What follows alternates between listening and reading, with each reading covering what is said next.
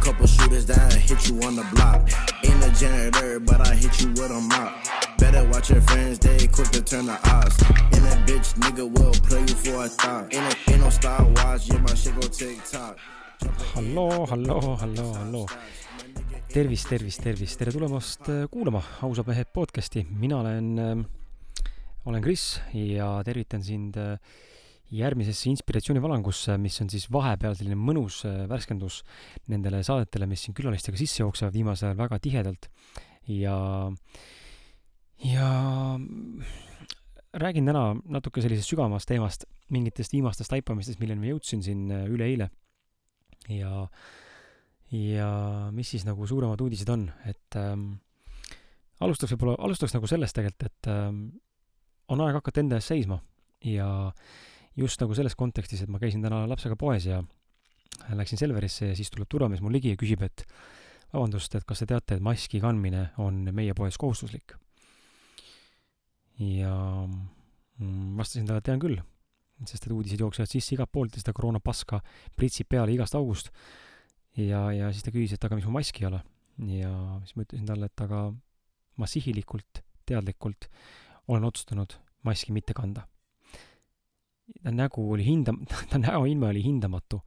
Ja ega ta ei osanud midagi väga öelda ja siis ta vaatas mind natukene ja siis ütles ka, et aga teie tervise hüvangu või terve, teie tervise nimel või terve tervisliku nii-öelda nagu seisundi olu, olulisuse mõttes ma väga soovitan maski kanda ja ma ütlesin talle viisakalt, et äh, et asi ei ole tervises. ja, ja täpselt seda ma arvan ka, mul on siiralt, mul on siiralt sitaauguni sellest äh, koroonapasast, mis siin maailmas toimub ma ei viitsi enam seda jälgida äh, või noh, nii-öelda selle tähelepanu orbiiti minna, kui ma vahepeal kuskil sisse viskan, kui keegi seda teema üles tõstatab kuskil, mul on täiesti suva. Äh, selge on see, et siin on, tõenäoliselt on olemas mingi viirus, äh, mis iganes, võib-olla sarnane gripile, ilmselgelt on see liiga suure pasuna otsas, ilmselgelt on siin mingisugune muu asi üldse taustal ja ilmselgelt on siin üle võimendatud ja mind ennast paneb lihtsalt imestama, kui vähe oli vaja kui vähe on vaja olnud selleks, et panna terve ühiskond tantsima eh, mingite eh, kokku lepitud, isegi mitte kokku lepitud, vaid peale sunnitud reeglite järgi. ma ütlen nii palju ausalt, mina ei hakka mitte kunagi maski kandma. Eh, ja miks? sellepärast, et ma ei usu, ma ei usu sellesse. ma ei usu, et koroona kui viirus on olemas ja ma ei usu ka sellesse, et see on ohtlik. et ma ei tea, see ei ole nagu pikem arutelu, aga lihtsalt mind pani tänane situatsioon mõtlema selle peale, et uskumatu, kui haiglaseks maailmaks on see kogu asi siin muutunud. et igasugune vabadus tegelikult on piiratud ja, ja nüüd siis hakatakse rahatrahvidega ja turvameeste ja igate muude töötajate poolt ja lõpuks hakatakse siis üldse seda kõike meile siis nagu peale suruma selle kaudu, et ei saa enam poodi ka minna või, või et äh, ei saa enam minna ostukeskusesse, sest me hakkame maksma hapniku eest sest et äh, ma toon sisse keskusesse musta hapnikku õuest, onju, et noh, see asi nagu suht jaburaks läinud juba ja, ja minu meelest on see nagu tõesti naeruväärne juba, et äh, on aeg enda seisma hakata. kui sa oled inimene, kes äh, hindab vabadust ja hindab seda, et sul on õigus arvata ja uskuda ja, ja, ja tõesti uskuda seda, mida sina tahad uskuda, siis tuleb enda eest fucking seisma hakata, sest varem või hiljem sõidetakse sinust lihtsalt üle sellisel juhul nii nagu sõidetakse enamikes inimesest tänases ühiskonnas üle lihtsalt tuimalt ja pannakse inimesi tegema midagi, mida tegelikult teha ei taha või millesse nad ei usu ja elama sellist elu, nagu tegelikult elada ei taha. see ei ole okei okay.. ma ajasin kiilakaks ennast. on veel üks uudis sulle, ma ajasin ennast kiilakaks. ja nagu päriselt, et kui sa oled seda podcast'i kuulanud, siis tõenäoliselt sa tead mind sellest ajast saati, kui mul on pats olnud esimesest saatest peale, mul on olnud pats. ja, ja nüüd ma olen kiilakas tagasi jälle ja miks ma tegin tagasi sellise sammu ja ma lähen tagasi iseendaks see ongi selle saate nii-öelda üks vihje, vihje ka, tagasi iseendaks minemine, tagasi päris minaks saamine. Ähm, põhjus väga lihtne, ma käisin üleeile Annela Auni juures coach'i sessioonil, Annela Auniga oli meil alles webinar ka äh, ja samal päeval enne webinari tegelikult mul oligi temaga väike sessioon. ja, ja kui sa soovid kuulata Annela Auni, siis ähm, leiad paar saadet, kaks saadet tänaseks juba leiad meie ausad mehed repertuaarist ülesse Annel on coach, kes siis tegeleb ettevõtluse eh, küsimuste lahendamisega ja tegelikult on ta piisavalt pädev ja andekas inimene ka psühholoogilisest aspektist vaadatuna ja sellise tunnetusliku ja võib-olla ka mingil määral nagu spirituaalsema või vaimsema sellise sügavama sisekosmose eh, tausta poolest vaadatuna inimene, kes oskab anda nõu ka eraisikutele. ja mul on täna, täna on nagu selline seis mu elus, eh, mul ei ole seda raske siin välja öelda, sest et see on reaalsus, mul on täna selline seis ja ma ei ütle seda nagu sellepärast, et haletsege mind täna on selline seis, kus äh, ma näen, et ma ei väärtusta ennast. Ähm, ma ei ole ennast siiamaani väärtust, väärtustanud ja, ja ma olen sellest aru saanud, et minus on mingi probleem enda väärtustamisega. ma ei oska küsida raha, ma ei taha küsida raha, ma ei taha raha vastu võtta mingite asjade eest ja mul on äärmiselt raske inimestele öelda mingisugust hinda või teinekord ka näiteks äh, konkreetselt mingisugust äh, enda teenust isegi müüa, mul on väga raske teha seda, seepärast et ma tunnen, ma teen inimesele liiga. kui ma võtan kellegi käest viiskümmend eurot või sada eurot mingisuguse ühe seansi või ühesuguse mingi teenuse eest, siis mul tekib selline tunne, ma tegin inimesele liiga, ma röövisin talt raha, ma olen pettur. ja see on nii haige, sellepärast et ise olen sel tegelikult sõnas mõttes sita augus omadega vajunud juba täiesti põhja ja, ja raha vastu ei oska võtta, raha vastu võtta ei julge, ei taha ja, ja ei suuda ja, ja nüüd piinlen siis äh, tänases olukorras, kus ma ütlen ausalt, mul on, ma arvan, oma elu, ma olen täna kakskümmend üheksa, mul on oma elu kõige raskem mat-, materiaalselt kõige raskem periood. ja, ja see kestab juba päris mitu kuud. ja see kõik sai alguse tegelikult sellest, et äh, kui podcast oli tasuline, siis äh, hea kuulaja, kui sa olid üks nendest, kes maksis selle eest, et mind kuulata, siis ma olen, ma olen sulle siiralt tänulik ja, ja, ja see, kui see ei olnud see inimene, kes maksis selle eest, siis ega ma sind hukka ei mõista, ma saan täiesti aru, et tasuta content on igal pool saadaval, tasuta saateid on, kõik teevad, eks ole, mille poolest erineb ausad mehed podcast äh, teistest podcastidest. Äh, see erineb väga palju ja ma ei hakka siinkohal seletama, mismoodi ta erineb, aga seal on väga, siin on, siin on midagi hoopis teistsugust, mida mujal fucking ei leia. ja mis mind kõige rohkem hämmastas kogu selle protsessi juures, oli see, et mingil hetkel oli mul kaalukausil, mul oli kaal, mille vahel oli vaja valida, kas ma jätkan saadet tegemist sellise suunitlusega, et saated on tasulised, ehk siis pool saadet on avalik ja ülejäänud terve saade on kinni. Äh, ja minu sees on halb tunne, sellepärast et mind hakkas häirima asjaolu, et inimesed, kes seda saated lõpuni kuulavad, kes päriselt seda väärtust lõpuni sisse ahmivad ja kuulavad, neid oli väga vähe, viiskümmend, kuuskümmend, seitsekümmend inimest, võrreldes nende tuhande viiesaja kuni kahe tuhande inimesega, pluss võib-olla mõnikord rohkemgi mõne episoodi kohta, kes kuulavad poolikut episoodi. ja, samal ajal ma teadsin ka seda, et kui ma selle nii-öelda praegu siis eh, sel ajal olnud selle tasuliste podcast'ide sissetuleku kõrvale lükkan, siis tegelikult jään ma sisuliselt rahata, sest et ma ei, ma ei ole osanud välja mõelda endale veel mingeid teenuseid, mul ei ole asjad veel käima läinud ettevõttepõhiselt, kuigi ma olen ettevõtet teinud juba varsti kolm aastat, mul ei ole käima läinud, sest ma näen, et ma ei ole see, seda tüüpi ettevõtja, ja selleni ma olen täna jõudnud ja täna selles suunas liigun ka, et ma ei oleks seda tüüpi ettevõtja, kes teeb ise, ise kõike aktiivselt, vaid pigem mina olen see aju ja ma leian inimesi, kes asjad ära teevad. ja seda ma täna ka, katsetan vaikselt ja see töötab ja läheb paremini ja veel raha ei tule, aga ma usun, et mingi hetk see tuleb. terve see teekond on olnud üks õppimise koht, enda paremini tundma õppimise koht ja mul oli kaalukausil ja selgelt eristuv oli minu jaoks see, et parema tunde, mõlemad halvad, mõlemad olid halvad, sest ühelt poolt mul kaob ära raha teiselt poolt on mul see, et mind häirib see asjaolu, et inimesed ei kuule lõpuni seda sisu, mida ma tegelikult inimestele pakun, see väärtus, mille peale ma olen ausalt mehe podcast'i ehitanud, inimesed ei kuule seda, sellepärast nad ei ole valmis maksma kaheksakümmet ja kahteteist eurot kuus. taaskord, täiesti mõistan, see on kõik okei okay ja, ja täiesti arusaadav. Ehm, mis lihtsalt näitas, lihtsalt, lihtsalt näitas mulle seda, et inimesed tegelikult on esiteks väga suured koid, väga suure tõenäosusega, eh, kaasa arvatud mina ise teinekord mingites samasugustes situatsioonides, ja näitas ka seda, et inimene sõna otseses mõttes äh, läheb lihtsalt teise podcast'i juurde, kui väga vaja on. ta ei jää püsima, sellepärast et järelikult ta ei näe seda väärtust, mis ma siin tegelikult pakun. ja selgelt eristuv oli see, et ma pean lõpetama ära tasulise podcast'i ja loobuma sellest sissetulekust. ma jõudsin oma nelja-viie-kuuse teekonnaga tasulise podcasterina umbes kuuesaja, seitsmesaja, kaheksasaja euroni kuus mustalt küll, aga siiski. ja, ja tänaseks ma teadsin, mis seisu ma jõuan, kui ma sellest loobun ja täna on see seis käes. seega siin nagu natuke tekib niisugune tunne, et võid nagu kõrvaltkuulajana mõelda ja küsida, et tule, mis sul, Kris, viga on? miks sa tegid niimoodi endale? et sa ju teadsid, et kui sa selle ära lõikad, sul igasugune sissetulek puudub, sest tööl sa ei käinud, ehm, siis järelikult läheb olukord väga hapuks finantsiliselt. jah, ma teadsin seda, aga minu, minu, minu soov eh, teha midagi südamest on palju suurem kui see, et minu materiaalne nii-öelda heaolu või, või materiaalne hüvang oleks eh, mingil tasemel nagu korvatud. see tundub lollusena, aga, aga ju siis ma tegin sellise valiku, ju siis ma tahtsin sellist valikut teha, ju siis ma tahtsin kogeda midagi sellist. ja me jõuame kohe ka selleni, miks ma selle valiku tegin läbi Anne Launi. aga valik tehtud ja nüüd täna on selline seis, kus reaalselt eh, ma arvan, et mul on kokku raha umbes jämedalt öelduna sada kolmkümmend, sada viiskümmend eurot ja ma ei tea, kust mul rohkem raha tuleb. ma ei tea, kus ma arved saan makstud, ma ei tea, kust ma söögiraha saan, ma ei tea, kust ma saan üldse ühesõnaga mitte midagi, et see aasta tuleb, tuleb, see aasta on päris huvitav aeg. Ehm, õnneks ma jõule ei tähista otseselt mitte kunagi või noh, pole tähistanud viimased viis aastat, kuus aastat vist.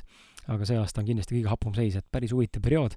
ja, ja ma olen tänulik, et see võimalus on mulle tulnud ja see kogemus on ellu tulnud, ju siis see on põhjusega ja jõuame nüüd nende, ma jagan nüüd sinuga nelja asja, milleni ma jõudsin, nelja taipamist, milleni ma jõudsin ja võib-olla sina resoneerud sellega ka, kui sa mind kuulad praegu siin. võib-olla sa suudad selle üle kanda enda mingitesse valdkondadesse, et aru saada paremini Äh, mismoodi jõuda endaga paremasse kontakti ja kuidas mingid asjad võivad luua mingeid seoseid ja kuidas mingi situatsioon võib mõjutada sinu elukäiku või keerdkäike. käisin Annele, Annele juures, siis läksime rääkima ja mul oli enne Annela ju, enne Annela juurde jõudmist siis üleeile või nii-öelda seitsmeteistkümnendal sorry, kahekümne kolmandal novembril oli vestlus, kahekümne kolmandal novembril oli vestlus Annelaga, paar päeva enne seda kuupäeva siis eh, mul luhtus üks, eh, ütleme, ettevõtte tasandil üks projekt, kus mind oli teenusena sisse kaasatud ühte teise, ühte teise, ütleme, sellisesse meedia või nagu ütleme, meedia, meediaportaali saatejuhina. ma jõudsin salvestada ära ühe saate, eh, jõudsin planeerida ette ka viis, viis saadet vist veel juurde või neli, ja siis mulle öeldi, et koostööd enam ei soovita. mis iganes põhjus seal oli, põhjus oli hinnas, minu hind oli liiga kõrge kui ma Annele, Annele sellest rääkisin, siis äh, selgus, et Annele ütles ka, et see hind tegelikult ei olnud kõrge. ma küsisin kaheksa tunni eest umbes, kaheksatunnise töö eest küsisin umbes kakssada kakskümmend euri äh, arvega ettevõt-, ettevõttelt siis. minu meelest ei ole see palju, äh, see oli minu jaoks väga suur ületus seda summat küsida, aga see ei tundunud mulle väga palju, tundus mulle mõistlik, mugav see ei sobinud. see näitas mulle, et maailm on minu peegel. kuna ma ise kahtlen väga tihti raha küsimises, siis maailm pidi mulle vastu näitama seda, et mulle seda raha ei taheta anda ja see on liiga kallis nii et ma sain aru sellest, et ma ei väärtusta ennast või noh, ma arvasin, et ma jõudsin jälle selleni, ma ei väärtusta ennast. jälle elu näitas seda ja ma mäletan üks õhtu ma siis olingi paar päeva enne kodus diivanil istudes nutsin natukene, pisarad jooksid ja tundsin, et äh, see, see ei ole nagu enam normaalne, et äh, sellisel viisil ei saa enam lihtsalt jätkata, et nagu mida fuck'i lihtsalt ma eluga teen. Ma üritan, üritan, üritan ja, ja see lihtsalt, lihtsalt ei lähe. ja siis Annele istusime maha kahekümne kolmandal enne webinari ja hakkasime rääkima ja me jõudsime nelja taipamiseni. esimene taipamine on see, et kui me vaatame inimeste teekonda, ka sina ennast vaatad, siis meil igalühel on oma mingisugune asi, eh, mida me oleme hakanud nagu tegema, eh, mingisugune teekond, mingisugune katsumune, mingi, katsumuse mingisugune keerdkäik või mingi rada. ja see on alati seotud ühe valdkonnaga, kas tervisega, kas suhetega, kas armastusega, kas vanematega, kas lapsega, kas rahaga, kas spordiga, toiduga, seedimisega, mis iganes. meil on kõigil mingi asi, mis kogu aeg nagu kordub, ta on nagu korduv muster, me kogu aeg selle ümber tembeldame ja seda korda lihtsalt mingi põhjusel ei saa ja see saadab meid kogu elu, kuniks me selle pasa lõpuks ära lahendame nüüd minul tuli välja Annelaga vesteldes, me jõudsime mingisuguse hüpoteesini, nii-öelda nagu väikse mõtteni. minul selleks on sõna otseses mõttes palgatöö ja ettevõtte eh, aktiivne, aktiivne ettevõtlus ehk siis arvete esitamine teistele inimestele. ja me jõudsime selleni läbi selle, et oma viimase kahe aasta jooksul, kolme aasta jooksul ma olen märganud, kuidas minu ametipositsioonid tööalaselt palgatöötajana ja ettevõttepõhiselt eh, koostööprojektid on läinud ajalises raamistikus kogu aeg lühemaks Nad olid kunagi kolm aastat pikad, siis läksid nad kahe, aasta peale, siis läksid nad aasta peale, siis läksid poole aasta peale ja nüüd viimane, viimane see kokku, kokkuvõte, noh, diil ettevõtte põhiselt, äh, koostöö ühe ettevõttega kestis paar nädalat. Need on läinud nagu kogu aeg lühemaks. Ja mul on nagu totaalne error ja ma ei saanud aru, mis toimub. Ja Annela tõi välja hea pointi, mis mulle väga resoneerus ja ma tunnen, et see võibki niimoodi olla, sest ma olen seda varem ise tundnud. Ja eh, nädal aega tagasi, umbes nädal aega enne seda Annela kohtumist, ma jõudsin samale mõttele koos kodus siis koos elukaaslasega rääkides, et ma ei olegi mõeldud olema ettevõtja. Eh, ja ma ei ole mõeldud ka olema palgatööline. Need ei ole minu teed. Need ei ole minu teed ja see ei ole see koht, kus ma üritan mõelda ennast kõvemaks vennaks või näidata ennast sellisest küljest, et palgatöö pole mulle, vaid see päriselt fucking ei ole mulle. Kas sa oled oma elus tundnud mõnda sellist asja, kas sa oled, küsin niimoodi, kas sa oled oma elus tundnud mõnda tegevust tehes, et see ei ole absoluutselt sulle, see ei ole absoluutselt sina, see ei ole lihtsalt sina ja see ei sobitu sinu maailmapilti mul on palgatööga niimoodi, see ei sobitu mu ellu, mul on totaalne error ja ma ei suuda teha eh, väga pikalt koostööd inimestega või palgatöölisena töötada kuskil ettevõttes, kui mingid väärtused, mida ma olen enda jaoks välja valinud palgatöötajana või inimesena, ei kattu selle positsiooniga. Mul tekib error. Ja kas lastakse mind lahti või lähen ma ise minema. Ma ei ole inimene, kes hakkab teiste inimeste unistusi elu lõpuni tööl täide viima, sest et mul on endal nii palju häid ja huvitavaid mõtteid ja projekte, mis vajavad elluviimist ja teostust ja lihtsalt ma ei ole suutnud neid kõiki asju veel nii-öelda eh, eskaleeruma panna või reaalselt täide viia, realiseerida nii sellises mahus, et nad mulle raha sisse tooks. aga ma olen kindel, et järgmise viie aasta jooksul, ma ütlen jämedalt viie aasta jooksul, mul see Eh, nii-öelda rahaline sõltumatus tuleb, see pole küsimuski, see ei ole küsimuski. ja ma tean, et ma olen inimene, kes ei ole mõelnud palgatööl käima ja me jõudsime selleni äh, selleni, et minu, eh, minu nii-öelda üks osa sellest elu, elu Krisina siin tegutsemisest ongi läbi palgatööl ebaõnnestumiste, vallandamiste, mittesobiva töökoha leidmise ja ko-, ettevõtte koostööpartnerite nii-öelda ebaõnnestunud projektide kaudu või läbi on mina, mina defineerin ennast, mina läbi selle valdkonna mõtestan lahti ja üritan äh, endas mingisuguseid asju lahendada. Et kui mõnel inimesel ongi tervis, mõnel on muu asi, siis mul on selline teema. Ja läbi selle ma teen seda, ma olen valinud iseendale sellise teekonna, et läbi selle, läbi selliste kogemuste, läbi nende katsumuste ma seda asja endale selgeks teen. ja see kõlab loogiliselt, see kõlab täiesti loogiliselt ja seda toetab ka tegelikult Natalja Brümmel, kelle saade ilmus eelmisel reedel kes on siis holistiline karjäärinõustaja ja seal saates me rääkisime ka väärtustest eh, palgatöölisena, mida sa palgatöölisena väärtustad. ja, ja kui sa neid väärtuseid sul palgatöölisena ei täideta ettevõtte juhi poolt või ettevõtja või ettevõtte poolt, siis sa ei suuda seal kaua töötada. ja ma näen seda, et need väärtused, millele mina palgatöölisena nii-öelda eh, maandun või välja valisin endale, kuhu ma kukun, siis need väga tihti ei saagi täies mahus saja protsendi ulatuses täidetud ja mul kaobki ära huvi selle ette vastu, ettevõtte vastu ja selle töö vastu. kirg kaob ära ja ma ei suuda teha eda, eda, asja edasi sellepärast, et ma teeniksin raha, ma ei suuda lihtsalt. ma olen nõus ka ära surema, aga ma ei suuda seda lihtsalt teha. see oli esimene taipamine. teine taipamine oli see, et Annela, Annela, Annela tunnetas, ta üritas mind tunnetada ma olin suht kurb, eks ole, loomulikult ma olin kurb ja olen omadega, olin jumala omadega mässas ja, ja üsna sitas seisus ja väga raske on aru saada tegelikult, kui sa sellises keerises oled, siis ma usun, et sa minuga nõus. väga raske on äh, tegelikult aru saada teinekord sellest, et kust see asi pihta hakkab, miks sa sellises seisus oled ja kuidas seda asja parandada. ma võin läbi näha mingeid mustreid minu eneseteadlikkus täna on piisavalt palju, ma arvan, kasvanud, ma ei ütle, et ta lagi on, aga ta on piisavalt palju kasvanud ja ma näen ennast kõrval, ma oskan ennast analüüsida, ma olen teinud, kirjutanud aastaid päevikut, kirjutan raamatuid, ma näen, ka see podcast aitab, sellepärast ma rõhungi ja soovitan kogu aeg tulla ka mulle siia podcast'i teraapiasse või sellesse teadliku vaataja praktikasse, mis on põhimõtteliselt tunniajane vestlus sinu elust ja me salvestame selle. see annab nii palju võimalust juurde, kuidas enda elu paremini, eneseteadlikumalt hakata vaatama. see on enesevaatlemise tööriist, on see podcast imine. ja ja ma olen nagu teinud endaga piisavalt palju tööd, aga ikka seda sitta lõpuni läbi, läbi ei näe, sellepärast et sul on teinekord vaja lihtsalt teise inimese perspektiivi.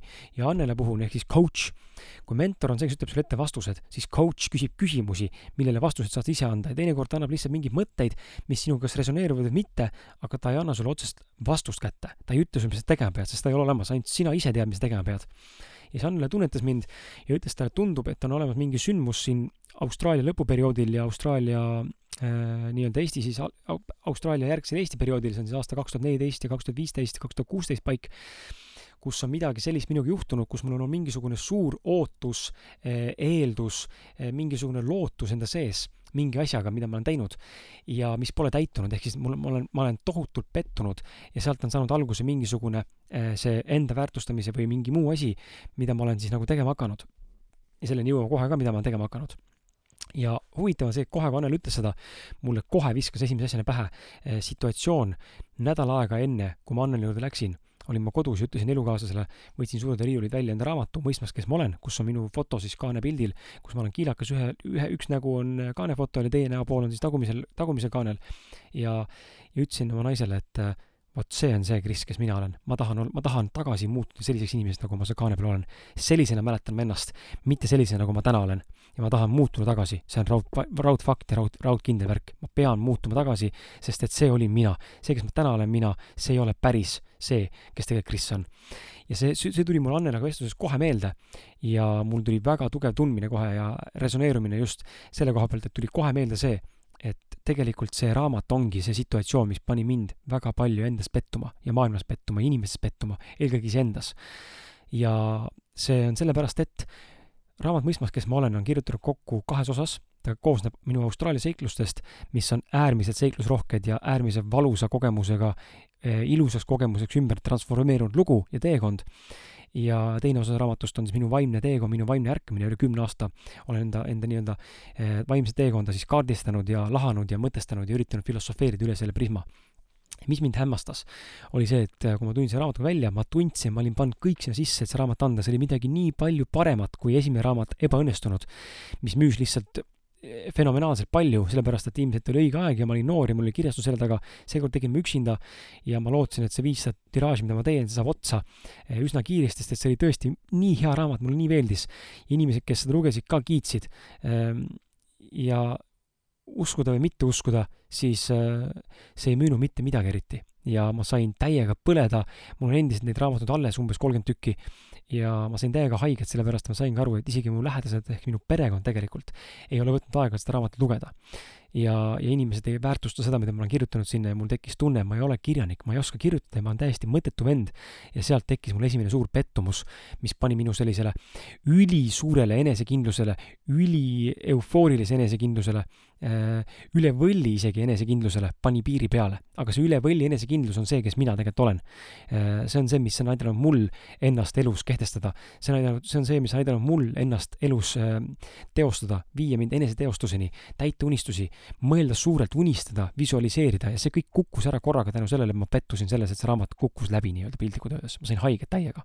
et mu tööd ei hinnata, mu panust ei hinnata ja seda ei väärtustata. sest ma panin omast arust kõik sinna sisse, ma avasin ennast täielikult inimestele peale ja ma olin ülihaavatav see raamatu kaante vahel ja, ja see lihtsalt ei võetud vastu sellisena, nagu ma tegelikult lootnud olin ja ühtlasi ma tean ka seda, et Martin Pukspuu, eh, kes on endine saatejuht siin, üldse mitte halvasti talle öeldes, siis Martin Pukspuu oli see vend, kes luges ka seda raamatut, ütles mulle, et ta resoneerus selle Austraalia poolega väga palju, väga huvitav lugeda, väga kihvti kirjutatud, aga see vaimne teekond, talle tundus, et see on fake ja ma olen selle umbes nagu mõistusega välja mõelnud ja, ja see ei ole minu kogemus, vaid see on kellegi teise jutt, mis on läbi minu sõnade ümber jutustatud. see tegi mulle väga haiget.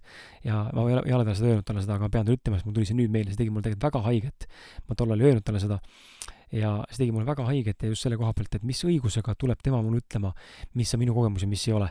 tema ei tea, kes olen mina ja ta ei tea, miks ma sellise eh, nurga või sellise filtri või sellise äh, variandi või viisi läbi ma selle raamatu üles ehitasin. see on äh, see on tegelikult väga totter, kui me läheme inimestele selliseid asju ütlema, sest me ei tea tegelikult nende kogemust. ja me ei saa selliseid asju öelda, me ei saa enda kogemust võrrelda teiste inimestega. ja ja ühtlasi sain ma sellest äh, selle jooksul aru, aru seda, et Martin tegelikult ise ei mõistnud seda, et kui ta mulle välja ütles selle nii-öelda, et ta tunneb, et see on fake, minu vaimne teekond, see pole ehe, siis seal tõenäoliselt ta lugedes, sest maailm on ka tema peegel, mina olin tema peegel, minu raamat oli tema peegel, tol hetkel luges seda. see raamat järelikult käivitas äh, tema vaimset teekonda või tema uskumusi või tema vaimseid uskumusi ja tekitas temas äh, halva tunde ja seepärast ta tundiski, et see ei resoneeru, sest et see ei meeldinud talle.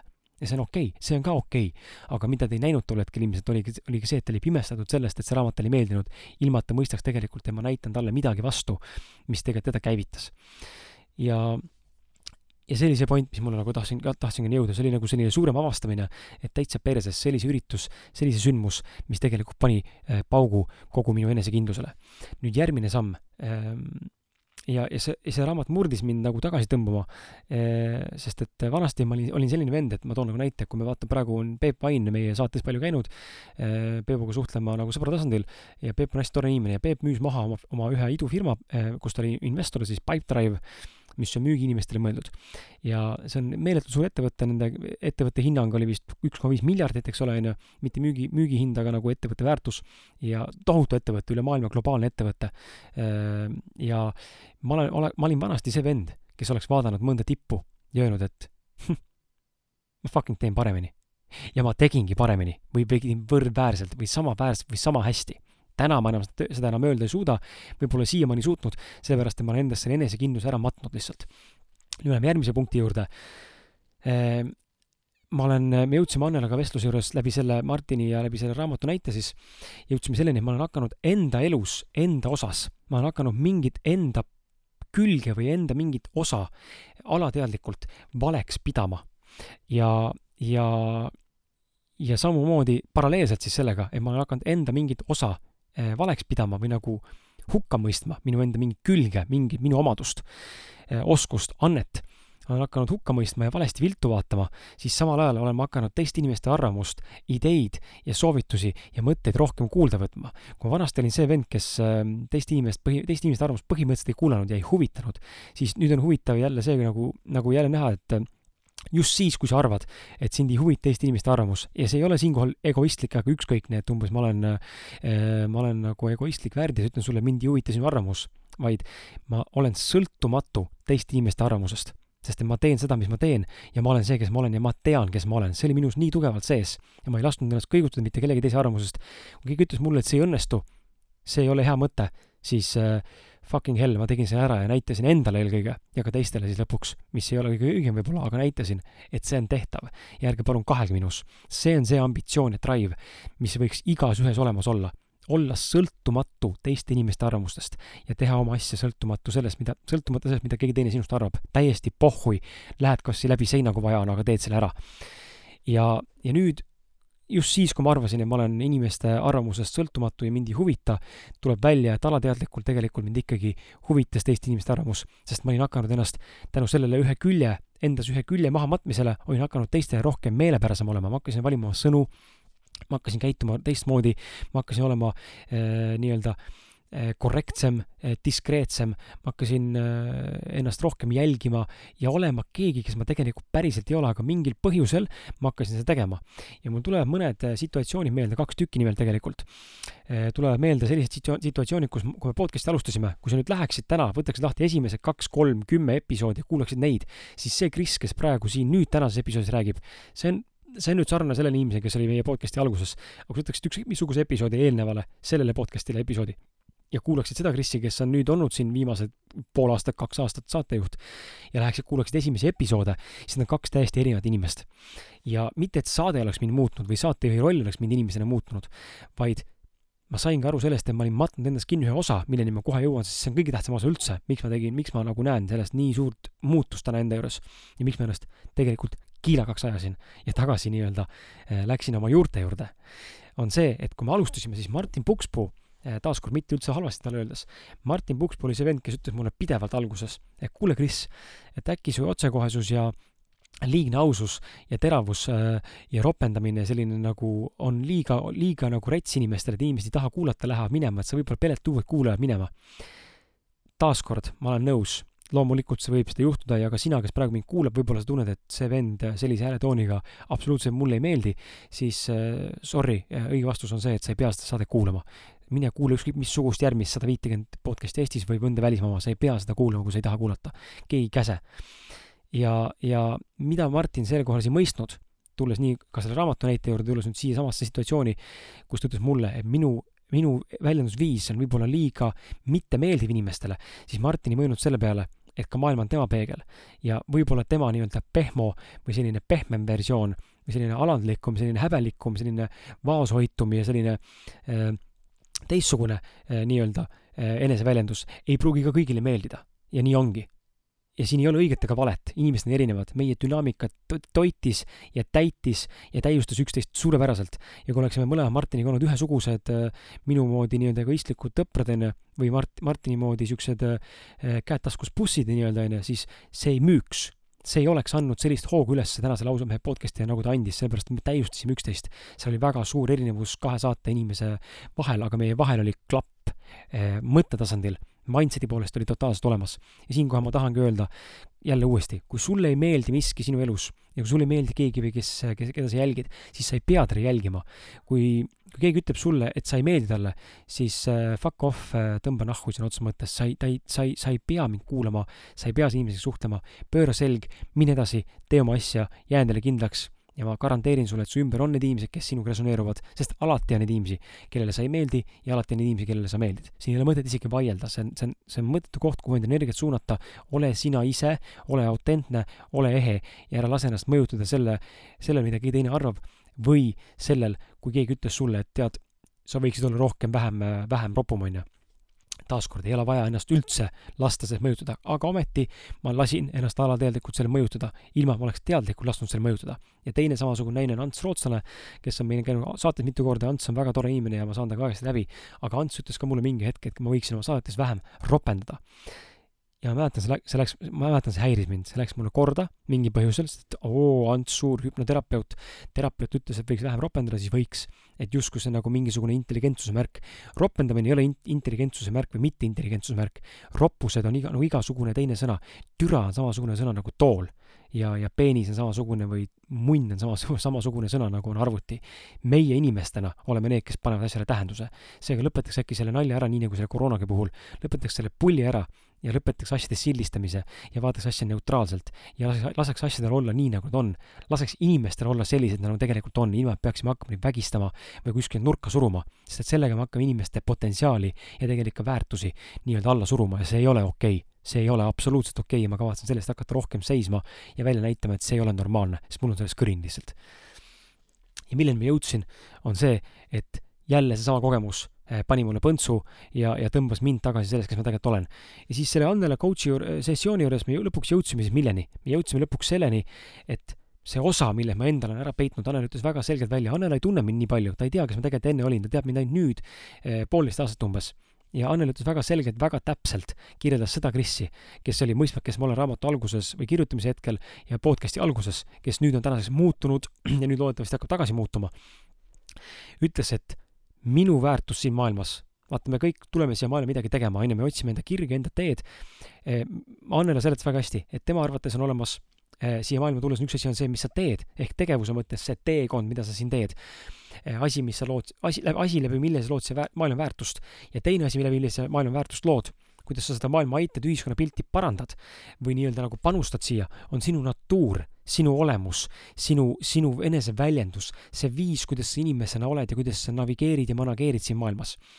ja Annel ütles välja, et minu varjatud külg, mille ma olen endas ära peitnud ja nii-öelda maha matnud, kõikide nende eelnevate põhjuste, mis ma praegu välja rääkisin, see Antsu asi, Martini asi, see raamatu asi, kõik need haiget saamised, ma olen ära peitnud endast selle osa, mis tegelikult on brutaalne. Minu loomus, minu naturaalne loomus, minu loomupärane olemine, minu eneseväljenduse viis on brutaalne, on ropp, on otsekohene, on aus, on konkreetne, on filtrita ja no bullshit ehk siis paska ajamata ilma keerutamiseta rääkida asjadest nii, nagu asjad päriselt on. ja sealt on saanud ka see podcast mingisuguse tõuke. ja see on tänaseks varju jäänud.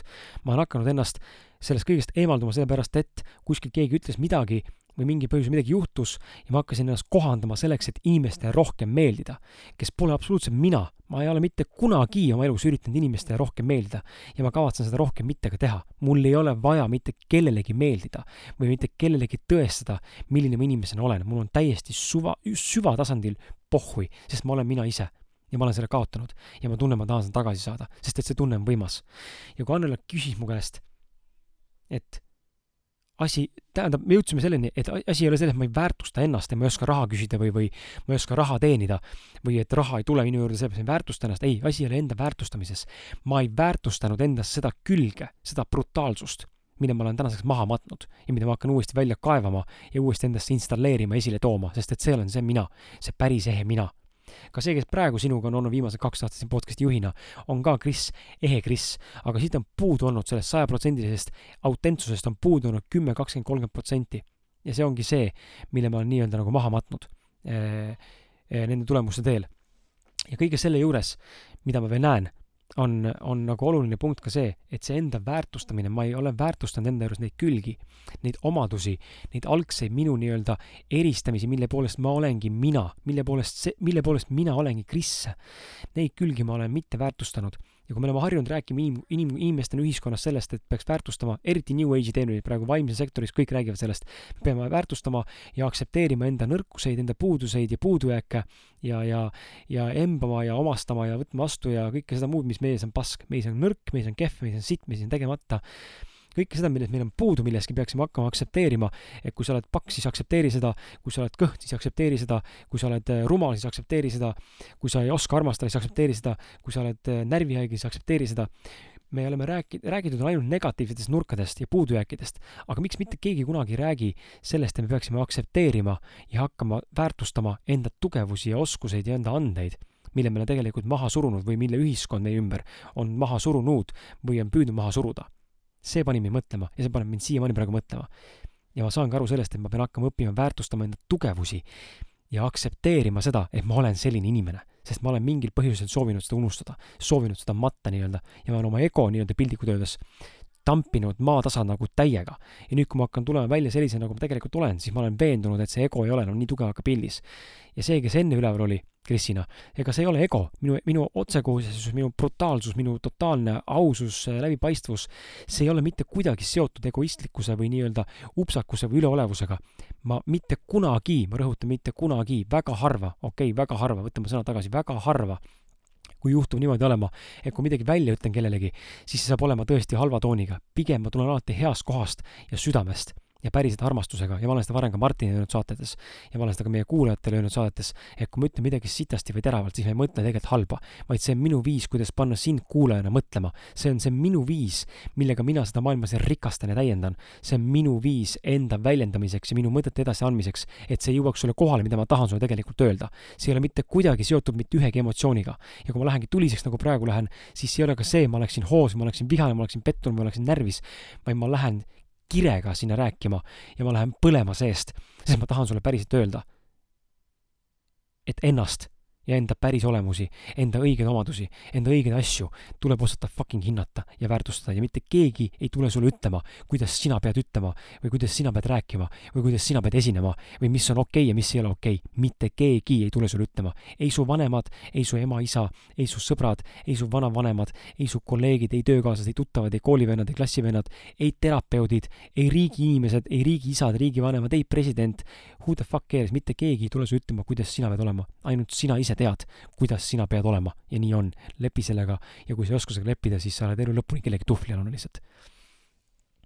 ja selle kõige juures, mida ma tahan veel juurde öelda, see taipamine on minu jaoks väga suur. Ja ma mõistsin seda samal hetkel, ma mõistsin sel samal hetkel, kui Annel ütles välja mulle selle, et ma ei ole õppinud, ma ei ole väärtustanud enda tugevaid omadusi ma mõistsin, ma pean ajama, ajama ennast kiilakaks. tuli nagu välk selgest taevast, ma pean ajama ennast kiilakaks järgmisel päeval ja ma tegingi seda järgmisel päeval ja ma ajasin ennast kiilakaks ja lõpetasin selle pulli ära, sest ka see pats, see pats, ma ei süüdista siin juukseid eh, või juuksestiili selles, milliseks minu olemus oli kujunenud selle aja jooksul, mismoodi ma ei lasknud ennast tümitada. kindlasti mitte aga seal oli kindlasti mingi roll, mida see pats kaasa andis. kui vaata, vaadake üldse mehi, kes on patsiga, nendes on mingisugune teistsugune aura juures, mingisugune olemus, mingisugune sihuke energeetiline asi, mida sa ei taju, aga seal on midagi teistsugust ja ma tundsin enda juures sama. ma tundsin, ma ei ole mina ise enam, see midagi muutis minus. ja praegu vaatan peeglisse, ma olen kiilakas, ma näen fucking hea välja. nagu päriselt, ma näen fucking hea välja, mulle väga meeldib, milline ma olen kiilakana. ma ei ütle, ma ei hakka uuesti patsi kandma mingi hetk, kindlasti võib-olla hakkan äh,, aga, aga mulle meeldib praegu kiilakana olla, ma näen, ma olen nagu ma nagu mina ise, ma näen ennast. ja kui Annela küsis, mis tundeid mul tekitab see arusaamine, mis minus tekkis, et see olen nüüd päriselt mina ja pean juukse maha ajama, sest ma olin juuste maha, aja, aja maha, mahaajamist mõelnud mitu, mitu, mitu kuud. aga kogu aeg, kui see mõte tuli, et ajaks maha, tuli ka kohe kõrvale mõte, et aga, aga äkki ma ei taha, äkki, äkki see halb mõte. ja nüüd tuli selgelt mulle selgelt nagu taevast tunne, ma pean selle ära tegema ja see otsus sai vastu võetud ja, ja see, seda aitas teha see taipamine, et ma olen kaotanud iseennast ja see ise, iseendaks olemine ongi minu puhul see kiilakas nii-öelda Kris, brutaalne Kris, kes lihtsalt räägib asjadest nii, nagu tegelikult asjad on. ja, ja selle taipamise juurde tulles, mis minu sees tunne tekkis, kui Annele küsis, mis tunne sul nüüd on, see tunne minu sees, ainuke sõna, mis mulle pähe tuli, ma ütlesin, see on võitmatu tunne. minu sees on võitmatu tunne, et mitte miski, mitte miski ei piira mind, mitte miski ei takista mind ja mitte miski ei ole võimeline minu arengut, minu teekonda ja minu nii-öelda unistusi enam peatama. ma teen nad kõik ära selliseks täpselt, nagu ma tahan ja ma loon oma elu täpselt selliseks, nagu ma tahan. ja mul on tulnud tagasi usk, eh, mul on tulnud tagasi elujõud, kõik läheb ainult ajaga paremaks. loomulikult minu sees on endiselt veel kuhjaga depressiivsus, mis tuleb hakata ümber kalibreerima, aga see enda vana mina, minu päris mina väljakaevamine paar päeva tagasi ja nüüd selle installeerimine ja selle nii-öelda käitlemine, selle elluviimine, selle praktiseerimine, implementeerimine see on see, mis praegu ma tunnen, pani mu ratta uuesti jooksma. nii et äh, aitäh sulle, et sa minuga siin teekonnal olnud. aitäh sulle, et sa andnud mulle võimaluse olla korraks keegi teine ja ma saaksin märgata ja õppida tundma seda, kes ma tegelikult päriselt olen ja keda ma tegelikult igatsesin, kelle ma olen kinni pannud ja keda, keda, kellena ja keda inimesed tegelikult mäletavad. ja ma olen tagasi. ma olen fucking tagasi ja ma ei tee nalja. ja, ja siit läheb ainult saated paremaks ja võin sulle nii palju ka öelda ka, et kõik saated edaspidi hakkavad olema ka natuke teistsuguse nurga alt ja, ja, ja ma annan endast parima, et ma suudaksin seda ka ellu viia, sest et see, mida, see on see tegelikult, mida ma teha tahaksin ka. ma olen ka oma saadetes muutunud pehmoks saatejuhina. on väga paljud külalised, peaaegu, peaaegu et kõik külalised, kelle jutu juures on asju, millega ma ei nõustu ja ma olen viisakusest üritanud oma keelt suuda ka, keelt nii-öelda hammaste vahel hoida, et mitte neile halba teha, siis ma olen kutsunud nad enda saatesse, aga nüüd on seal kõik. see ei tähenda seda, et ma hakkan kedagi halvama või kedagi solvama või salvama, eh, halvustama eh, või sitast ütlema, absoluutselt mitte. aga kui mul mitte, kui mul midagi ei meeldi ja ma selle inimesega ei nõustu, ma panen selle külalise proovile ja ma kavatsen temaga diskus-, diskussiooni langeda ja vestelda ja rääkida ja aru saada sellest, et mismoodi tegelikult tema maailm töötab. sest see on see mu eesmärk. ja kui kõigega nõustun, siis me ei jõuagi sinna. ja ma tunnengi, et see on see, mis on saates puudu olnud ja mis on minus tekitanud tunde, et need saated on poolikud. seda midagi puudu ja see ongi see puudu. ma ei ole piisavalt palju torkinud külalisi ja nüüd ma hakkan seda tegema sest et kõigega ei peagi nõustuma, ükskõik, kas ta on sul Ingvar Villid, on sa sul kuradi Kersti Kaljuraid või Tiit Trofimov või Urmas Sõõrumaa või Peep Vain, me ei pea nende kõikidega nõustuma. ja ma kavatsen inimesi panna mõtlema ja see on hea koht, mida ka Annela kiitis. kas see annab külalistele tegelikult võimaluse õppida ennast paremini tundma, kui neid pannakse proovile ja nende mõttemustreid hakatakse nii-öelda äh, küsimärgi alla seadma, heas mõttes küsimärgi, küsimärgi alla seadma, et sealt tuleks veel rohkem väärtust välja, veel rohkem sügavust välja. nii et äh, I m back, nagu juba varem öeldud, ja, ja muud ei olegi. sinuga kohtume järgmises episoodis, aitäh, et sa kuulasid ja aitäh, et sa olemas oled ja soovin sulle ilusat, ilusat nädala jätku ja ole tubli. tšau. Know a couple shooters that hit you on the block. Ain't a janitor, but I hit you with a mop. Better watch your friends, they quick to turn the odds. And that bitch nigga will play you for a thought. Ain't, a, no Star Wars, yeah, my shit go TikTok. Jumping in out the bendo like it's hopscotch. My nigga in the kitchen and he whipping in the pot. Watch, watch me see him twirl, then he drop.